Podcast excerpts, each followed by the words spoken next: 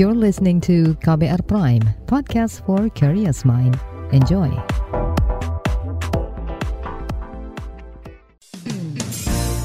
Anda mendengarkan Ruang Publik edisi khusus Indonesia Baik.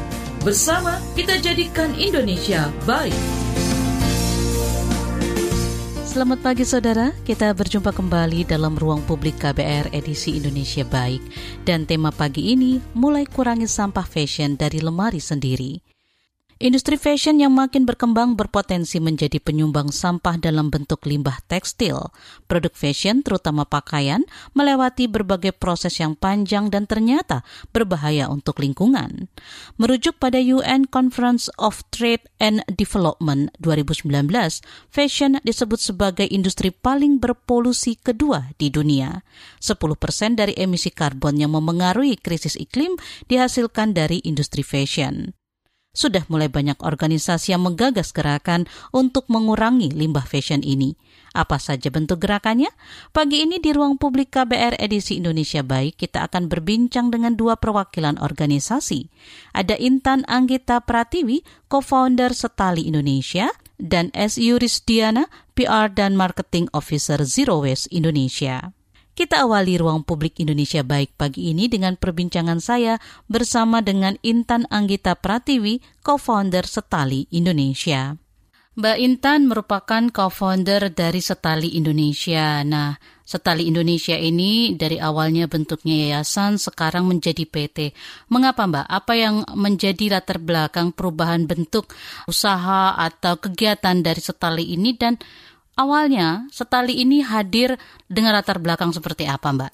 Jadi awalnya itu sekitar tahun 2018, Andin Aisyah itu uh, bersama teman-temannya kala itu dia membuat yang namanya Sumbang In dulu awalnya Mbak Fitri. Setelah Sumbang In terus uh, berganti nama menjadi Salur, Yayasan Salur Indonesia. Jadi fokusnya adalah uh, mengumpulkan barang-barang bekas yang masih layak untuk dijual kembali dan nanti uang hasilnya itu disumbangkan ke yayasan pendidikan. Nah, awalnya itu, tapi kayaknya kata-kata disumbangkan tuh lebih baik kalau diganti menjadi disalurkan. Makanya namanya menjadi uh, Salur Indonesia. Nah, sekarang kemudian menjadi Setali Indonesia. Betul. Nah, itu boleh Betul digambarkan apa menjadi alasan diubah lagi menjadi setali Indonesia, Mbak? Itu tuh sekitar tahun 2019. Nah, jadi pas waktu mendapatkan barang barang-barang, barang-barangnya tuh sangat-sangat banyak sekali dan kita tuh tidak spesifik fashion kan. Waktu itu kita menerima semua barang.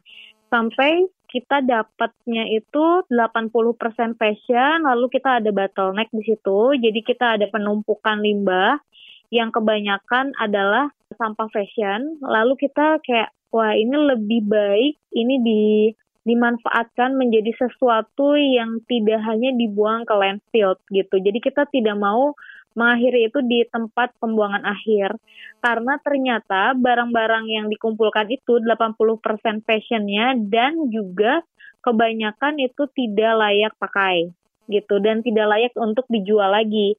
Jadi saya akhirnya bertemu dengan Andin. Andin menceritakan tentang kendalanya di Salur Indonesia.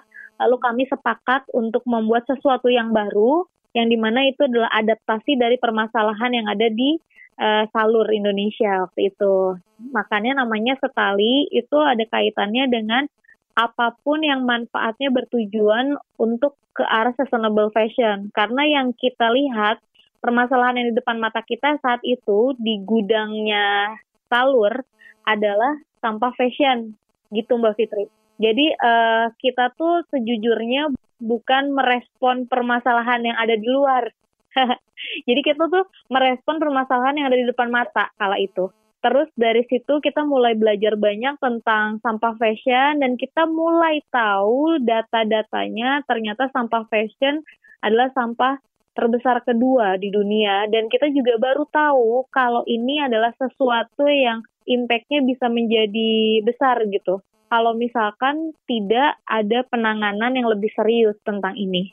Lalu seperti apa Mbak uh, Setali Indonesia kemudian melakukan upaya untuk mengatasi persoalan dari limbah uh, pakaian ini Mbak? Sebenarnya yang kita lakukan itu kan ada empat hal ya uh, Mbak Fitri. Kita punya reuse, reduce, repair, dan recycle. Itu tuh yang sustainable yang paling bisa dilakukan dalam keseharian. Kalau reuse itu kita upayanya melalui edukasi, kita selalu uh, berbicara tentang bagaimana memperpanjang usia pakaian dan memakai pakaian-pakaian yang memang itu adalah pakaian bekas. Dan juga kalau bisa pakaian bekasnya pun itu yang ada di satu regional. Misalkan kalau misalkan mau beli barang-barang bekas ya diupayakan barang bekas yang ada di sekitaran Jakarta. Supaya tidak lagi ada emission yang tercipta. Ketika kalau misalkan malah beli thriftingannya tuh dari barang-barang sisa impor nanti akan mengakibatkan masalah baru malah gitu kan.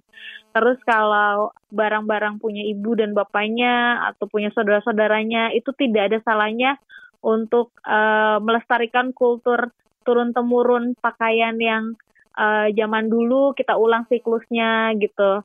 Dan itu juga uh, kita selalu kasih awareness tentang gak ada salahnya loh gitu. Kita pakai baju turunan dari generasi sebelumnya. Itu yang di area reuse ya. Terus reduce kalau reduce itu bisa dari perawatan ataupun bisa dari mereduce apa ya kemampuan kita untuk membeli barang. Biasanya kan kita selalu tidak bisa mengendalikan diri. Biasanya kita selalu konsumtif, ingin selalu beli barang baru. Itu tuh e, cara menanggulanginya tuh ada dua. Si reduce itu tuh bisa dari cara kita mereduce e, pengeluaran kita dengan membeli barang-barang yang long lasting atau ikut kampanyenya fashion capsule yang di mana punya barang hanya cuma 33 jenis yang ketika ingin menambah kamu harus mengeluarkan barang yang ada di capsule uh, collectionnya itu gitu. Jadi kalau misalkan Mbak Fitri punya basic collectionnya ada 33, itu sudah termasuk sepatu ya Mbak? Itu 33, terus kalau misalkan pingin nambah lagi dan ada kebutuhan untuk menambah dua produk fashion, berarti Mbak Fitri harus mengeluarkan dua produk fashion dari collection kapsul tersebut gitu. Itu tuh itu masuknya ke area reduce-nya. Atau yang paling uh, kentara itu dalam perawatan, Mbak. Jadi kayak misalkan kalau kita menjemur pakaian lebih baik di uh, balik supaya warnanya tidak pudar dan lebih tahan lama, supaya tidak kusam juga. Ketika kita menyetrika juga dibalik. Terus uh, sekarang kan banyak teman-teman yang memang suka melakukan healing healing gitu kan. Nah, aku suka bercanda kalau di uh, kalau lagi jadi dosen tamu atau jadi pembicara aku suka bercanda kayak nggak ada salahnya loh healing yang masuk ke area sustainable fashion itu adalah kamu mencuci pakaianmu dengan tangan gitu. Itu adalah perawatan yang paling alami gitu. Dan memang itu lebih uh, pakaian tahan lama gitu. Hal-hal yang kayak gitu tuh biasanya juga kita terus-terusan uh, mengkontaminasi melalui konten di media sosial dan lain sebagainya itu yang area reduce reduce juga kita punya sistem yang namanya reduce fashion waste. Jadi uh, kita bisa ada subscribe penjemputan sampah fashion itu per 15 kg. Jadi misalkan Mbak Fitri bersama teman-teman Mbak Fitri sudah mengumpulkan 15 kg gitu bisa kita tarik itu biaya operasional penggantian itu 300 ribu rupiah. Itu biasanya kita kelola. Bisa kita recycling bisa kita buat karpet bisa kita akhirnya sumbangkan. Tapi eh, tanggung jawab pengelolaannya ada di kita gitu. Supaya si pakaiannya tidak dibuang dan bagaimana supaya si pakaiannya itu sampai ke jodohnya yang memang membutuhkan gitu. Karena belum tentu juga kalau kita menyumbangkan ke panti orangnya juga menganggap itu adalah barang yang dia butuhkan gitu. Malah bisa jadi itu masalah baru juga bagi mereka. Nah, si reduce itu, si 15 kilo itu tuh bisa dipakai selama satu tahun, Mbak. Jadi penjemputannya juga kalau misalkan cuma pingin sendirian nih, penjemputannya bisa tiga kali. Jadi per tiga bulan sekali kita jemput. Kan biasanya kalau misalkan kita beli pakaian itu setelah mix and match dan segala macam paling juga siklusnya kita beli pakaian tiga bulan sekali bukan nah saat tiga bulan hmm. sekali beli pakaian berarti kan perlu ada yang dikeluarkan nah kita decluttering kan nah si declutteringnya itu tuh kurang lebih kalau 3 sampai 5 pakaian itu bisa mencapai 5 kilo, itu adalah pakaian-pakaian yang kita jemput, Mbak. Jadi teman-teman nggak perlu pusing lagi mesti dikemanakan pakaian-pakaian yang uh, mereka tidak tahu lagi mau dikemanakan gitu. Kalau di recycle itu kita ada pilihan kalau misalkan teman-teman tidak mau mengikuti subscribe kita yang reuse system itu, reuse service, teman-teman bisa ikutan recycle-nya. Recycle-nya adalah kalau misalkan sudah dapat eh, barang-barang hasil declutteringnya bisa mengontak kami. Nanti kita bisa bikin workshop bareng, Mbak. Workshopnya tuh bisa perorangan atau bisa grup. Kalau perorangan itu tiga jam sepuasnya ada recycling artis dari kami, ada penjahit dari kami, lalu bajunya itu tuh bisa jadi berapa aja, asal dalam kurun durasi waktu 3 jam workshop itu bareng-bareng gitu. Dan dari situ tuh kita biasanya ngobrolin tentang sustainable fashion, kita ngobrolin tentang um, diversity material apa yang itu lebih sustain, banyak hal-hal seru yang akhirnya digali dengan edukasi workshop one on one gitu. Kalau grup itu tuh waktunya dua jam, sampai tiga jam tapi jadinya cuma satu pakaian saja gitu. Karena kan barang-barang dan harganya lebih murah. Begitu mbak.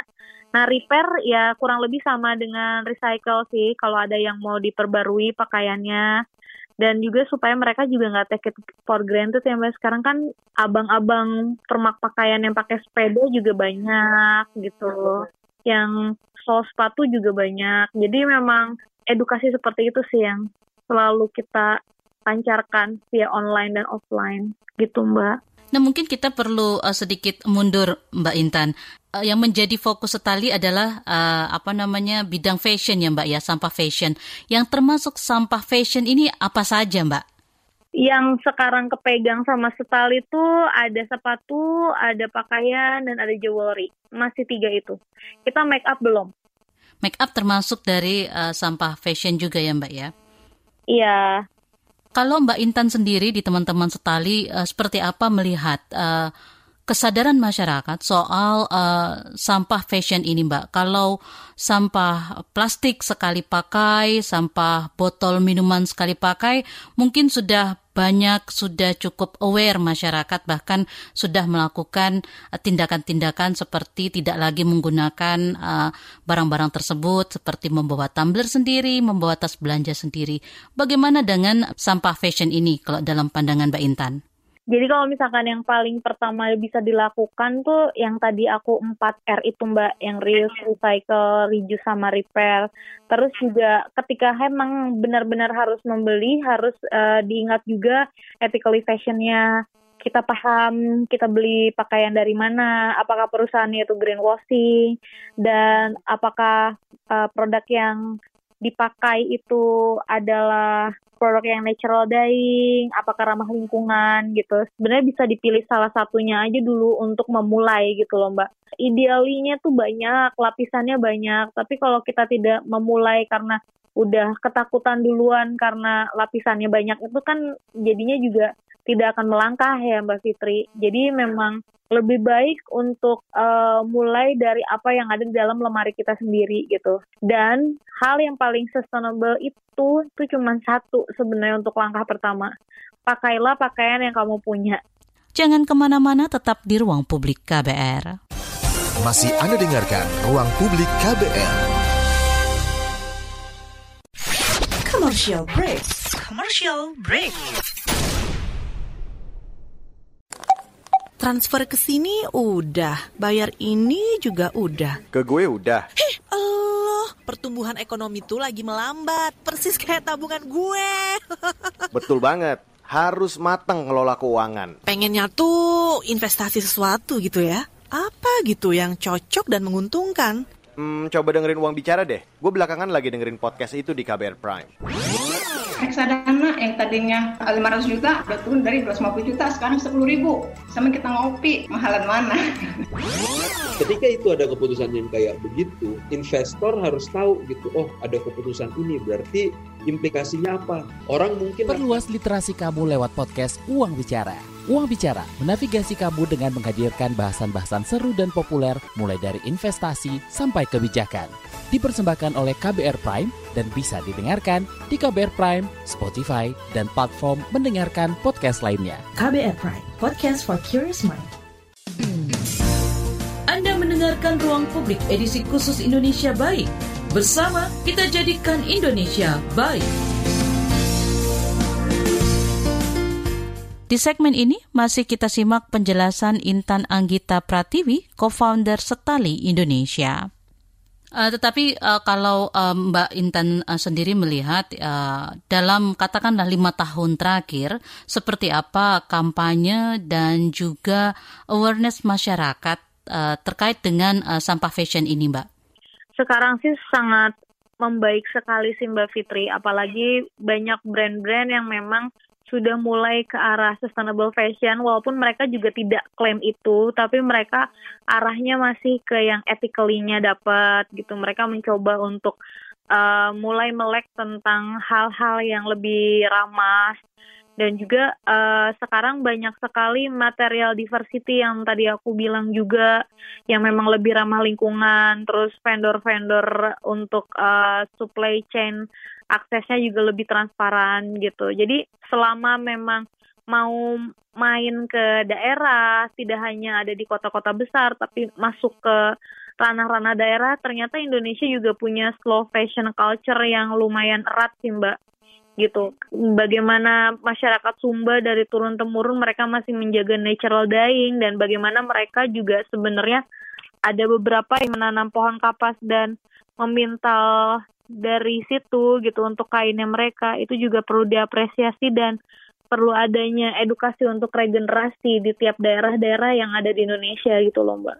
Tetapi kan juga ada semacam pandangan ya Mbak ya, kalau slow fashion itu identik dengan mahal Mbak. Itu bagaimana dengan kondisi masyarakat kita secara umum saat ini yang mungkin masih belum bisa uh, katakanlah menjangkau barang-barang slow fashion ini? Apa yang bisa mereka lakukan Mbak? Jadi sebenarnya uh, recycling itu adalah hal yang paling termudah sih Mbak. Recycling itu daur ulang. Recycling ada dua kan, ada recyclingnya upcycling dan ada downcycling. Kalau downcycling berarti dia mendegradasi value dari barang sebelumnya gitu kan. Uh, itu tuh yang dilakukan oleh Pebble kalau Mbak Fitri pernah dengar. Buat teman-teman bisa cek juga di Instagram pebble.indonesia itu salah satu kolaborator kita juga jadi um, baju-baju yang sudah tidak terpakai, yang memang sudah dedel doel ya, udah yang parah banget, ya udah sekalian dihancurkan saja gitu, dihancurkan, dijadikan serabut, lalu nanti serabutnya dipintal menjadi uh, benang, benangnya ditenun menjadi kain baru, kain terbarukan kita menyebutnya. Itu masuknya ke ranah downcycling. Tapi ketika dia sudah dipintal dan ditenun dijadikan kain baru dan kain baru menjadi pakaian baru itu masuknya ke upcycling lagi kan. Jadi downcycling ada upcyclingnya juga itu mereka udah close loop gitu. Sistemnya udah kayak satu putaran sirkular pakaian gitu. Itu udah kayak zero waste sistemnya udah dapat di situ semua. Nah kalau upcycling itu tuh tidak melibatkan uh, manufacturing. Jadi memang biasanya biasanya uh, correct me if I'm wrong itu kita dari apa yang kita punya terus ditambahkan value-nya. Misalkan bisa jadi ada dua, bisa dikonstruk mengubah fungsi, misalkan dari pakaian yang biasa aja jadi tote bag atau jadi barang-barang lain yang fungsinya dialih fungsikan atau enggak memang ingin diubah bentuk agar lebih menarik itu juga bisa. Dan juga ternyata sekarang tuh bisa juga pakaian-pakaian atau fabric-fabric yang sudah tidak terpakai dicelup dengan natural dyeing itu menjadi sesuatu yang baru terus diganti uh, fungsinya dari celana jadi jaket atau dari celana jadi kemeja. Tapi sebelumnya dicelup natural dyeing juga gitu untuk lebih seru gitu proses recyclingnya itu bisa terjadi sih mbak. Atau enggak mau ditambah-tambahkan dengan ornamen lain seperti uh, temanku ada juga Ayu namanya mote-mote. Dia juga bisa tuh upcycling pakai mote-mote. Atau enggak ada yang memang hand stitch terus ada yang mesin bordir terus ada kayak sistem yang namanya uh, jahit klasiko, terus uh, jahit uh, style boro. Itu dilakukan oleh teman-teman dari Semarang Needlework Studio itu juga mereka bisa melakukan itu, Mbak. Jadi sebenarnya di Setali sendiri kita tuh akhirnya mensupport teman-teman yang punya inovasi-inovasi tentang sustainable fashion karena ini akan menjadi sebuah kerja kolektif yang harus memiliki nafas panjang sih Mbak Fitri. Nah untuk target uh, dari Setali Indonesia sendiri Mbak, siapa yang menjadi target kegiatan-kegiatannya, usahanya? Sebenarnya kalau aku dan Andin itu tuh targetnya target besarnya adalah ingin uh, lebih bermanfaat sebanyak-banyaknya range-nya tuh di scale up gitu. Dari yang manfaatnya cuma satu Jakarta kita bisa membesar menjadi satu Jawa bisa menjadi satu Indonesia. Karena em, memang kita tuh adalah salah satu social enterprise yang yang fokus di sustainable fashion. Dan memang kita juga di sini uh, sudah memiliki legacy itu dari awal mbak. Jadi kita emang udah fokus karena uh, karena lucunya balik lagi mengulang cerita yang tadi sama Mbak Fitri karena waktu awal pembuatan kita kita tuh menuntaskan apa masalah yang ada di depan mata. Jadi real gitu sektornya. Terus kayak iya mbak solusinya juga real. Apa yang kita lakukan juga real. Dan kita di sini tuh uh, kebalik mbak orang tuh biasanya bikin sesuatu tuh dikonsepkan dulu dicari datanya lalu diimplementasikan baru amplifying kan kalau kita kebalik banget mbak kita tuh beneran yang implementasi dulu, baru amplifying, habis amplify, baru kita akhirnya uh, oh ternyata kita perlu data ya gitu. Jadi kita perlu data untuk lebih ngasih tahu teman-teman kalau ini tuh penting loh gitu. Makanya sekarang itu yang aku lakukan tahun ini tuh adalah jeda wastra mbak. Jadi aku perjalanan untuk keliling Indonesia uh, mengumpulkan inisiatif-inisiatif dari para seniman wastra. Jadi aku lagi mapping juga transparent supply chain gimana yang tadi dikhawatirkan sama Mbak Fitri kan sebenarnya harga sustainable fashion itu tuh tidak bisa menjadi penyimbang fast fashion kan karena harganya tuh uh, kurang reachable gitu kan bagi bagi teman-teman yang ingin memulai gitu. Nah, itu tuh biasanya juga karena ada bottleneck dari supply chain juga, barangnya mahal, terus rare. Itu regener regenerasi para pelakunya dari vendor-vendor yang ada di ranah rantai rantai supply ya itu menarik sekali untuk diulik dan itu yang kami lakukan sekarang mbak. Aku tuh baru pulang dari perjalanan kurang lebih tiga bulan uh, Jakarta Sumba Jakarta pakai jalur darat mbak. Jalan-jalan ke titik-titik belajar. Aku belajar uh, natural dyeing dari Pak Zahir di Pekalongan dari Pak Cornelis Dapakamang yang ada di uh, Sumba Timur. Terus kita juga uh, berkomunikasi dengan Sekar Kaung, Mbak Kiki, terus juga kita belajar dari Mas Suroso, dari Warlami.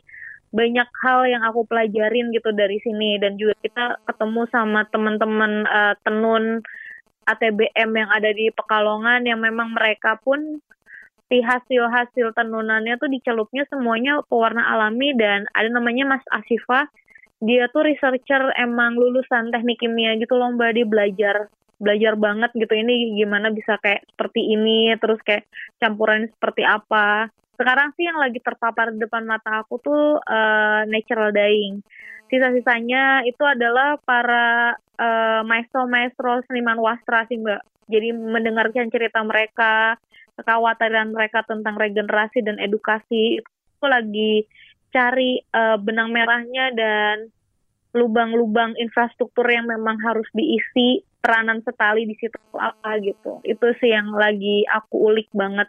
Dan itu mungkin akan menjadi buku selanjutnya setelah si dunia dalam lemari itu lomba tahun ini. Jadi aku tuh sama teman-teman setali sebisa mungkin setiap tahun kita mengeluarkan literasi karena memang tentang uh, sesuatu yang memang rekam jejaknya belum belum terlalu kentara itu memang harus didokumentasikan dan diarsipkan sih mbak karena yang lebih lucunya lagi pas waktu kita main ke Flores ada satu orang teman namanya Naidian. Si mbak Naidian tuh dari rumah tenun baku peduli. Dia ada di Labuan Bajo.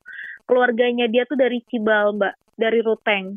Dan mereka tuh uh, penenun keluarga penenun yang memang menggunakan resep pewarna alami turun temurun tapi sempat terputus karena masuknya pewarna yang sintetis kan. Lalu ada beberapa um, tenun-tenun tradisional yang memang sudah tidak ketahuan lagi gitu motifnya seperti apa gitu. Motif tradisionalnya tuh terhajar oleh motif-motif yang memang laku di pasaran gitu. Nah, makanya mereka lagi archiving nah aku membantu mereka untuk uh, amplifying itu gitu karena kalau misalkan mereka nih bikin-bikin gitu yang bayar regenerasinya bagus segala macamnya itu di hulunya tuh udah kayak oke okay, gitu. Tapi yang kita perlu hilirnya kan, kita perlu siapa yang mau beli, siapa pasarnya, apakah pasar itu akan berkembang, apakah pasar itu akan berlanjut. Nah, yang hal-hal seperti itu yang kita sedang formulasikan ini akan ke arah mana lebih baiknya gitu loh Mbak. Dan perlu riset. Jangan ke mana-mana, tetap di ruang publik KBR. Anda mendengarkan Ruang Publik edisi khusus Indonesia Baik. Bersama kita jadikan Indonesia baik. Terima kasih untuk Anda yang masih setia mendengarkan Ruang Publik edisi Indonesia Baik dari KBR hari ini dengan tema mulai kurangi sampah fashion dari lemari sendiri. Berikutnya saya berbincang bersama S. Ayuris Diana, PR dan Marketing Officer Zero Waste Indonesia. Zero Waste Indonesia kan sudah ada cukup lama ya Mbak ya. Seperti apa Zero Waste Indonesia melihat terutama selama pandemi ini terkait persoalan sampah yang terjadi di Indonesia Mbak? Oke, jadi uh, sebenarnya ini sedikit bercerita juga bahwa biasanya setiap tahun Zero Indonesia selalu ada fokusnya tersendiri ya untuk sampah tertentu. Nah, kemudian saat masuk tahun 2021 ini, uh, karena ada salah satu hal yang kami lihat cukup cukup kami concern dan ada satu sampah yang semakin meningkat jumlahnya yaitu sampah masker sekali pakai ya Bu. Mungkin Ibu juga bisa melihat sendiri ya.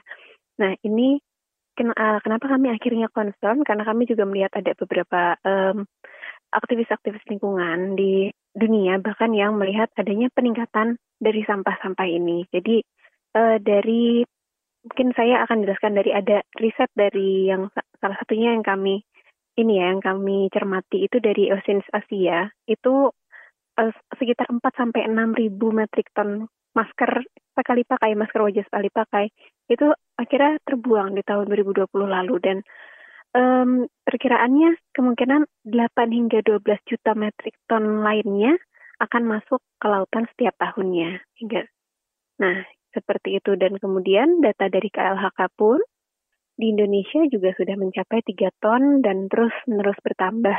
Nah, ini padahal tidak aman ya uh, apa masker sekali pakai ini kalau dibuang karena sudah tercampur dengan ada virusnya, ada bakterinya, dan apabila tercampur sampah lain jadi berbahaya juga karena uh, ini karena kandungan dari sorry komposisi dari dari masker ini kan adalah plastik ya sebenarnya plastik yang meleleh dan meleleh dan dibuat menjadi masker gitu.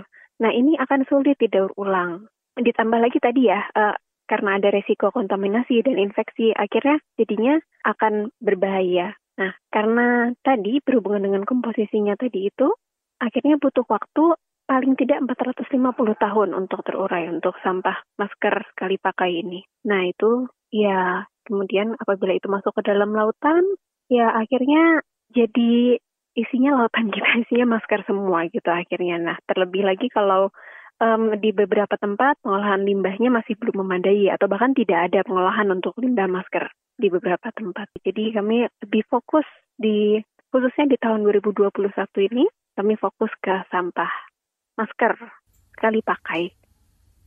Nah, fokus ini apakah kemudian uh, hanya sebatas untuk mengamati jumlah uh, atau frekuensi sampah yang ada di masyarakat, tetapi apakah Zero Waste Indonesia juga melakukan uh, langkah-langkah tertentu, Mbak?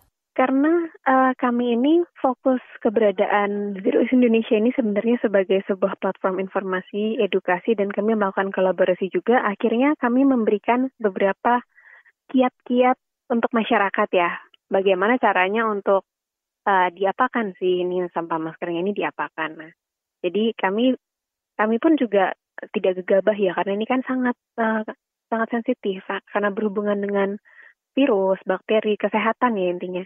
Akhirnya kami lebih menguatkan kolaborasi untuk permasalahan sampah masker ini dan ada uh, ada beberapa kiat-kiat yang akhirnya kami bisa ditengahi yang setiap orang bisa melakukan itu dengan membuat ekobrik.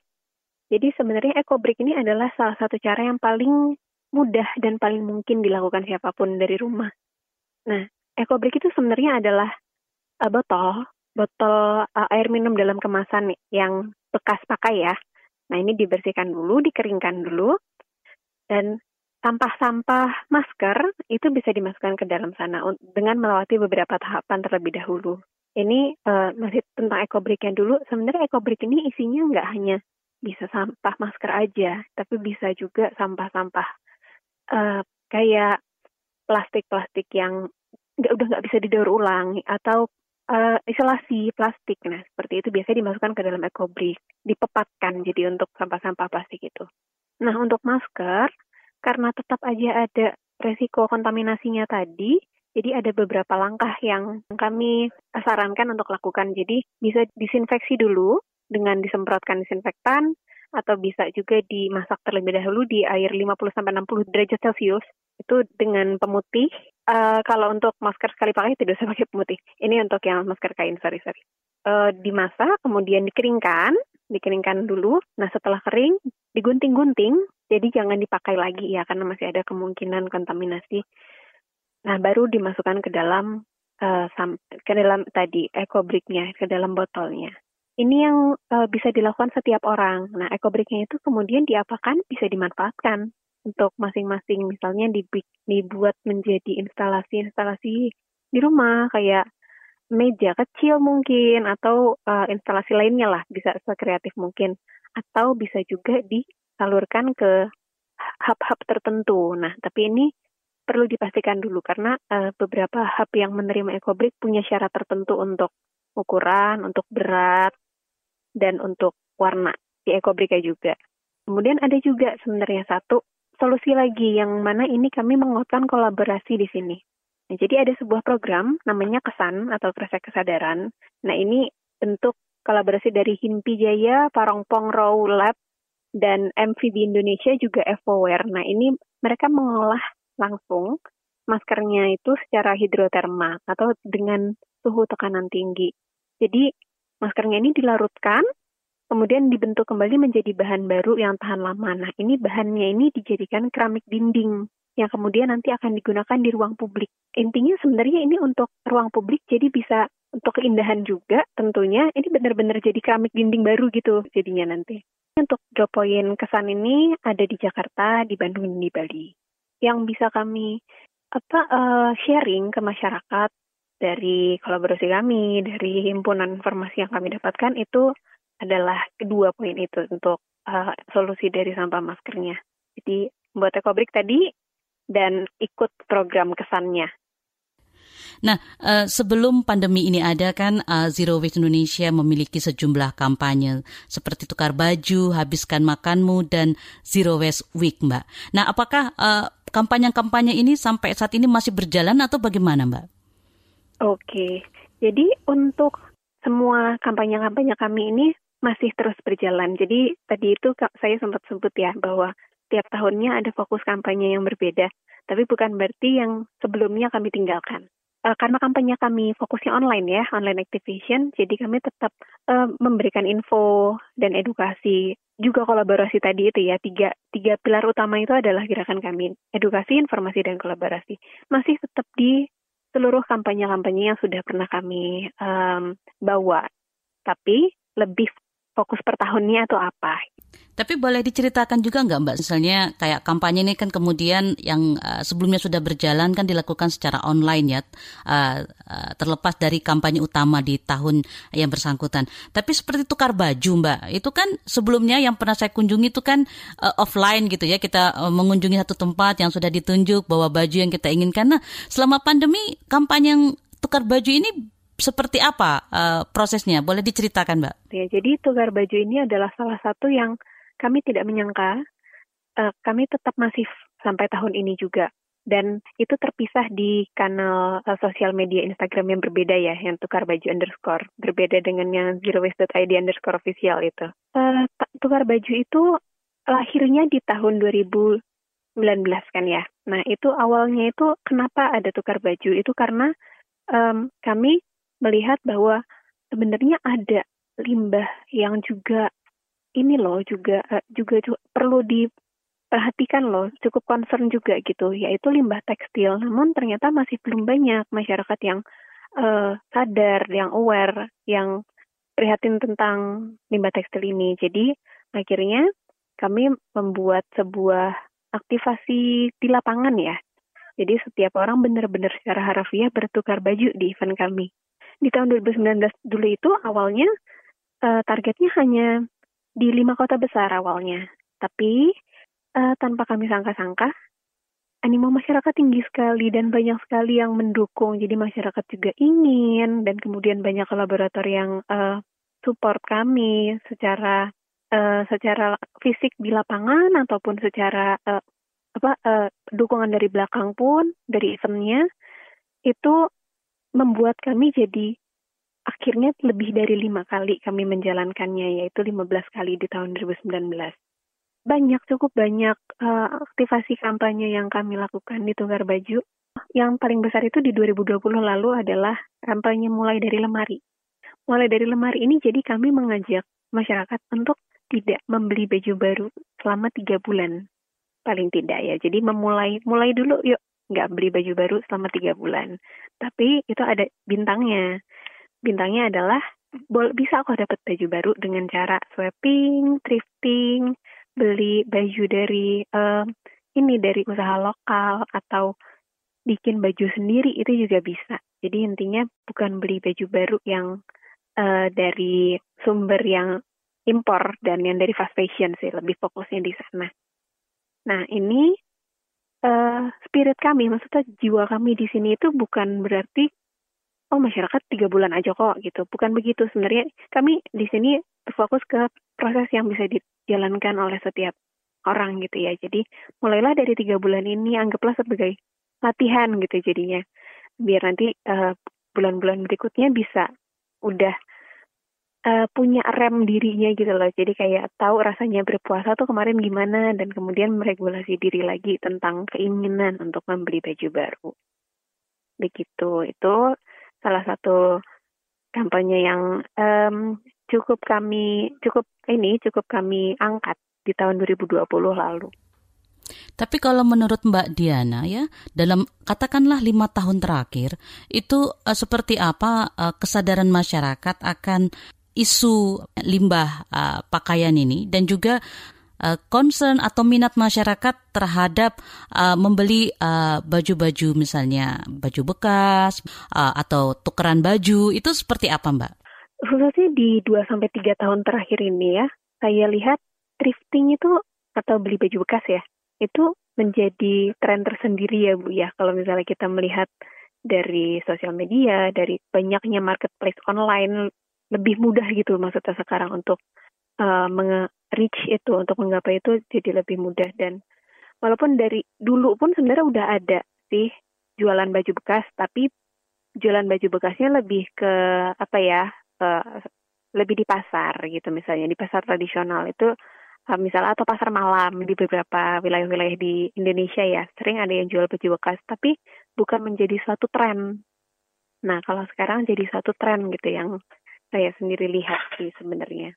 Di tiga tahun belakangan ini juga, saya lebih melihat anak muda lebih udah lebih aware tentang masalah limbah tekstil dan sustainable fashion. Kata sustainable fashion itu tuh sudah mulai uh, dikenal oleh anak muda gitu. Banding dulu-dulunya lagi ya, walaupun bukan berarti sustainable fashion itu hal yang umurnya baru tiga tahun, enggak, sangat tidak ya. Tapi makin ke sini makin banyak yang kenal dengan istilah itu.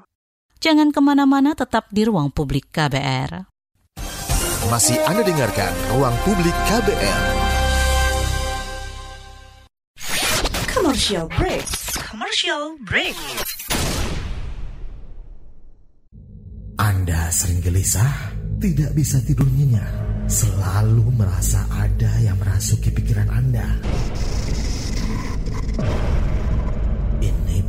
Iklan horor atau cerita seram. Tapi kalau Anda mengalami hal seperti itu, Anda pasti ketinggalan berita terupdate yang lagi ramai diperbincangkan. Gak mau kan dibilang ketinggalan berita?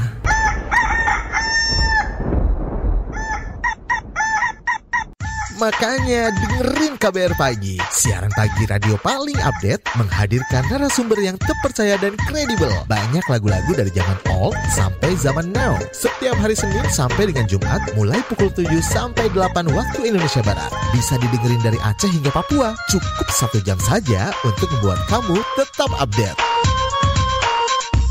Woi, ayam siapa nih? Berisik, saya mau dengerin kabar pagi. Mendengarkan Ruang Publik edisi khusus Indonesia Baik. Bersama kita jadikan Indonesia baik. Kita tiba di bagian akhir ruang publik KBR edisi Indonesia Baik hari ini dan bagi Anda yang tidak sempat mendengarkan siaran ini secara utuh bisa mendengarkannya kembali di podcast kbrprime.id lalu pilih ruang publik. Masih kita akan simak penjelasan S. Yuris Diana, PR dan Marketing Officer Zero Waste Indonesia. Nah, terkait dengan uh, masyarakat nih Mbak, apa uh, yang bisa dilakukan khususnya pendengar KBR yang mendengarkan perbincangan kita hari ini terkait bagaimana meminimalkan sampah yang dihasilkan uh, dari rumah Mbak? Oke, jadi sebenarnya gimana caranya kita untuk meminimalkan sampah ya? Itu mulailah dari tindakan preventif dulu, karena sebenarnya uh, saat kita udah mulai waste management itu udah PR sebenarnya ya, ada usahanya lebih gitu. Nah, jadi akan lebih baik saat kita mulai dari awal banget. Dari uh, kalau di zero waste lifestyle itu uh, ada prinsipnya adalah 6R. Yang pertama sekali perlu kita lakukan adalah rethink atau difikirkan ulang. Ini yang pertama dan yang paling besar porsinya untuk kita lakukan. Ya, kita pikir lagi, kita pikir ulang saat kita mau membeli sesuatu, mau itu sesuatu yang kita makan, kita konsumsi langsung masuk ke tubuh ataupun yang kita gunakan gitu ya. Jadi misalnya uh, beli apa um, baju, apakah aku benar-benar mau pakai baju ini untuk jangka waktu yang lama, atau karena lagi ngetren aja, tapi kayaknya nggak tahu deh ini uh, lastnya berapa lama gitu ya. Itu contohnya seperti itu. Jadi perlu kita uh, bentuk mindset kita tuh dari hulu ke hilir untuk pemakaian kita aja dulu gitu. Dari awal kita dapat itu barang, kita nyimpennya gimana, kita rawatnya gimana, dan kalau kita udah nggak mau pakai lagi, itu akan dikemanakan. Itu perlu kita pikirkan karena itu memang tanggung jawab kita gitu. Once itu menjadi barang kita. Itu untuk rating. Masuk lagi ke bawahnya, kita refuse. Refuse itu maksudnya menolak untuk sesuatu hal yang memang tadi itu tidak menjadi kebutuhan kita. Jadi sebenarnya uh, dari kita rating akhirnya kita bisa review gitu mbak. Ya dari review itu nolak yang dari dalam diri kita kayak tadi keinginan-keinginan yang impuls impulsif gitu ya. Dan juga menolak sesuatu dari luar kita yang memang kita tidak butuhkan. Ini sebenarnya secara psikologis pun seperti ini kita melatih batasan diri kita gitu agar kita bisa tahu saat kita diminta orang apa kalau kita nggak mau ya kita bilang tidak. Tapi tentunya tetap dengan cara yang beradab. Tetap utamakan adab ya paling utama itu. Kemudian juga sebisa mungkin berikan solusi gitu karena um, saat orang terbiasa ngasih plastik terus ngeliat atau uh, ngasih wad apa beli makanan ada wadah makannya sendiri gitu ya dari dianya tapi kalau kitanya nggak beli apa-apa kan dia pasti juga mikir dong terus ini dibawanya pakai apa Nah, tapi kalau kita menyuguhkan solusi, kita bawa wadah sendiri, kita bawa tas sendiri, ya itu tidak menjadi masalah gitu jadinya buat dia. Gak membuat dia berpikir, nambah pikiran gitu lah. Gak jadi beban orang lain. Ya intinya kita review tapi dengan cara yang baik. Selanjutnya lagi, ke bawahnya lagi setelah kita review, kita reuse. Kan kita udah menolak nih. Nah, berarti banyak hal yang tidak bertambah dong ya. Nah, kita gunakan ulang yang udah kita miliki gitu. Sebenarnya fokusnya di situ sih. Di repair kalau misalnya ada yang masih belum kan masih bisa digunakan tapi cuma rusak dikit atau repurpose. Nah, ini salah satu yang paling penting juga sih. Kayak uh, baju bekas udah ada robek-robeknya gitu, tapi masih lucu gitu warnanya atau motifnya. Sebenarnya bisa kita pakai jadi bisa kita potong jadi sapu tangan misalnya atau lap di dapur tapi jadi tetap bagus gitu nggak kayak nggak gembel gitu ya jadinya ya nggak nggak nggak jelek gitu. Intinya repurpose barang-barang itu tergantung kebutuhan dan kreativitas masing-masing. Nah barulah saat kita sudah uh, tidak bisa reuse kita uh, kita rotting jadi misalnya kita sudah melewati melakukan semua yang empat tadi itu udah uh, rating, udah reviews, udah video, sudah reuse. Tapi masih ada juga sisanya. Sisanya itu khususnya untuk kalau untuk sisa organik kita rot lah dia, kita bantu dia mel, uh, melewati proses pembusukan ya sebenarnya penguraian.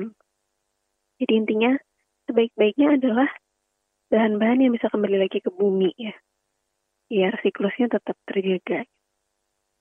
Nah, ini bisa dengan um, kalau untuk yang paling mudah dicoba sebenarnya untuk sisa buah bisa dijadikan ekoenzim namanya. Nah ini nanti ada manfaatnya sendiri untuk ekoenzim ini. Banyak manfaatnya benar-benar multifungsi. Kemudian bisa juga dikompos, dijadikan kompos. Atau bisa juga kalau uh, sudah ada usaha yang lebih, membuat biopori. Jadi uh, ada, ada instalasi biopori di tempat tinggalnya gitu ya.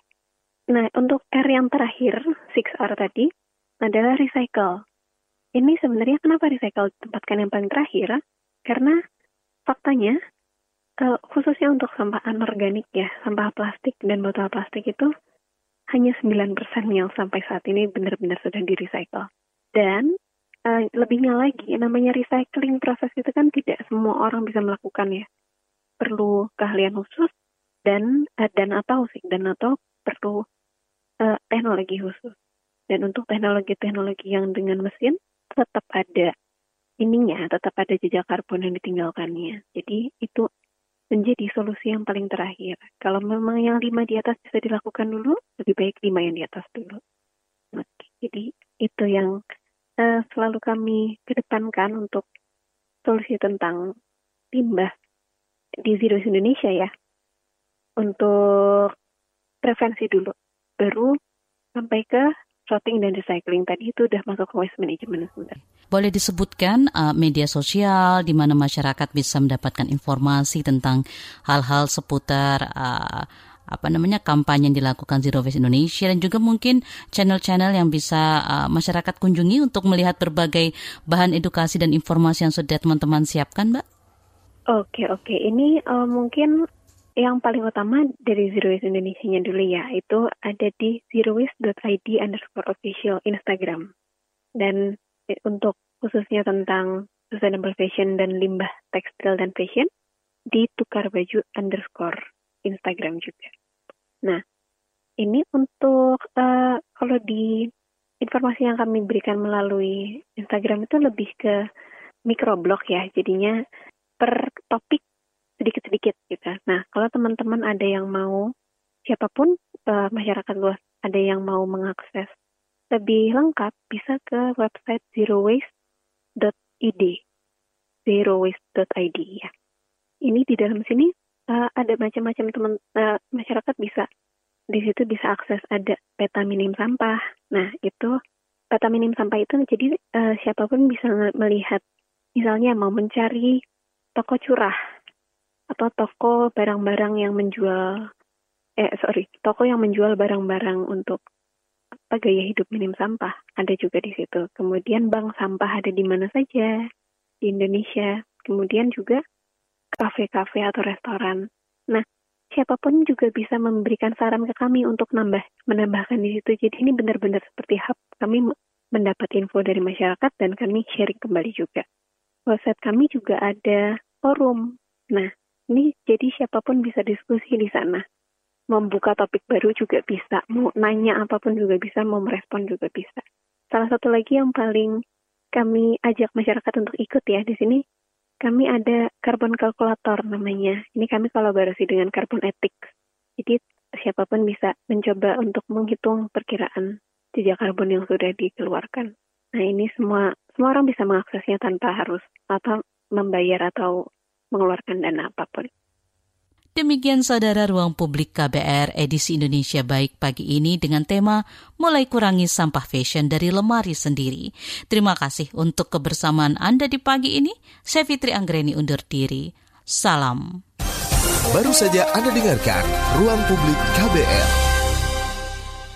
KBR Prime, cara asik mendengar berita. KBR Prime, podcast for curious mind.